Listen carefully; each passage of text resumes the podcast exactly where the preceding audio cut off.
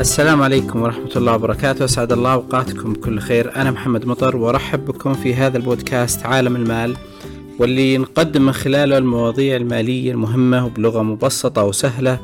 ونسعى من خلال هذه المواضيع تقديم كل ما يساعدك على إدارة مواردك المالية بأفضل طريقة ممكنة. اليوم راح نتحدث إن شاء الله عن موضوع مهم وهو الميزانية الشخصية وطريقة إدارتها. كثير منا يبدد أمواله في كثير من المصروفات الغير ضرورية وينتهي به المطاف في نهاية الشهر أو ربما في نصف الشهر أحيانا أنه يجد نفسه بدون أموال وكأنه راتبه تبخر أو تسرب منه. الحقيقة أنه هذه شائعة وأمر منتشر بنسبة كبيرة جدا بين الموظفين عموما. من خلال هذا الكتاب اللي هو The Infographic Guide to Personal Finance اللي هو ترتيب المالية الشخصية. آه هذا الكتاب فيه مواضيع مهمة جدا وسهلة وتبسط علينا الحياة بنسبة كبيرة جدا وتعلمنا أخطائنا المالية اللي تتكرر بنسبة كبيرة. فلما نعرف وين تتوجه الأموال وإذا عرفنا كيف نحدد مصروفاتنا بخطوات واضحة وبسيطة يسهل علينا إدراك الثراء المالي. والمقصود بالثراء المالي هو القدرة على الادخار وليس الثراء الفاحش. لذلك آه، تبدأ الأمور دائما بتوزيع الراتب للأمور المهمة جدا. دائما يقول لنا بالكتاب أنه 50% يجب أنها تكون لمصروفاتك الضرورية أو حاجاتك الضرورية اللي ما تستغني عنها هذه مثل أجار بيت مثل الأكل مثل السيارة مثل الأمور الطبية وكل ما يتعلق بالأمور اللي لازم تدفعها بشكل شهري.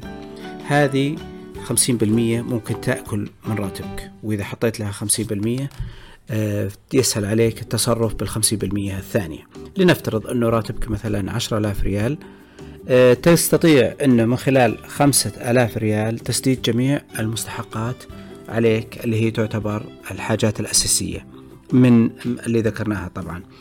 آه، يجي الخمسين بالمية الثانية أو الخمسة آلاف الثانية ممكن تضع ثلاثين بالمية لرغباتك الشخصية بحيث أنه آه، تنفق مثلا على الملابس تنفق مثلا على الترفيه على عطلاتك على سفرك على المطاعم. هذا لا يتجاوز 30% عشان تعرف حدود مصروفاتك. وما يصير الموضوع فوضوي وملخبط. الجزء الأخير والمهم جدا وهو العشرين بالمية وهذا لو افترضنا أن راتبك هو نفسه عشرة آلاف ادخرت ألفين ريال من العشرة آلاف وهذه ما تلمسها نهائي لأنها بتكون للحاجات الطارئة جدا أو لما بعد التقاعد أو لدفع بعض المصاريف اللي هي تعتبر زيادة على الخمسين بالمية الأولى. يعني الديون الزائدة عن الحاجة. أه لاحظ الآن التوزيع صار سهل. إذا عرفت وشلون تفكك راتبك خمسة آلاف ثلاثة آلاف ألفين. خمسة آلاف هذه الضرورية اللي تسدد فيها مصروفاتك الشهرية وفواتيرك وثلاثين بالمية هذه للترفيه وعشرين بالمية للمدخرات. يمكن كثير من الناس راح يقول مثلا أنه عنده طيب ديون كثيرة. الدين يأكل كثير من الراتب. هنا لابد أنه يركز على وش له وش عليه. يعني وش اللي عندك وش اللي أنت مضطر أنك تدفعه. وهذا اللي يسمونه الأسيتس الأصول. وش ممتلكاتك أنت اللي عندك؟ أحصر جميع ممتلكاتك. كم تساوي قيمتها؟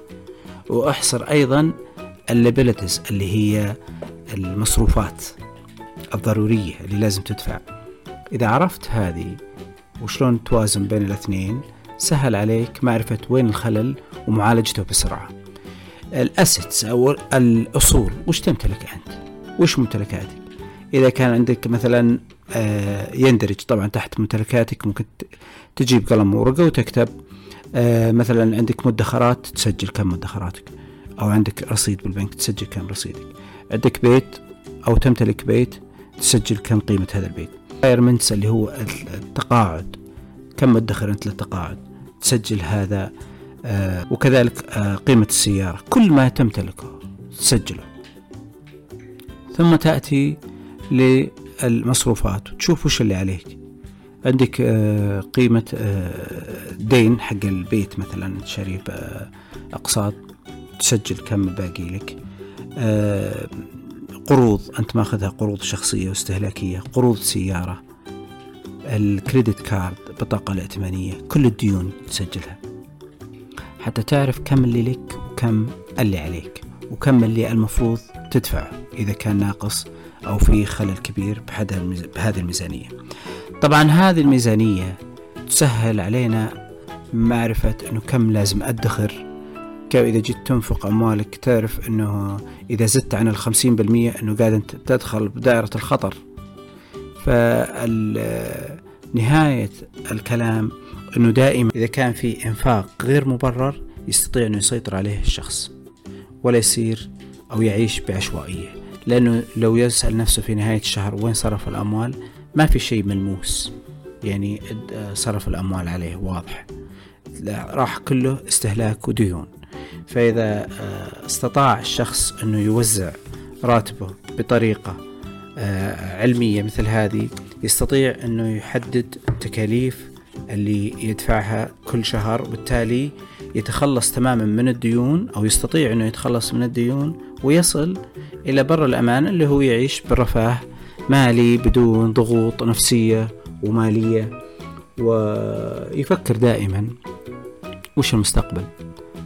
بعد ما ينفق كل هالإنفاقات هذه ويلعب ويعيش الرفاهية في كل حالاتها ويعتقد أن هذا الراتب سيستمر للأبد دائما يفكر كم ادخر كم أو هل يستطيع أن يعيش على هذا الحالة الاجتماعية بعد فترة من الزمن؟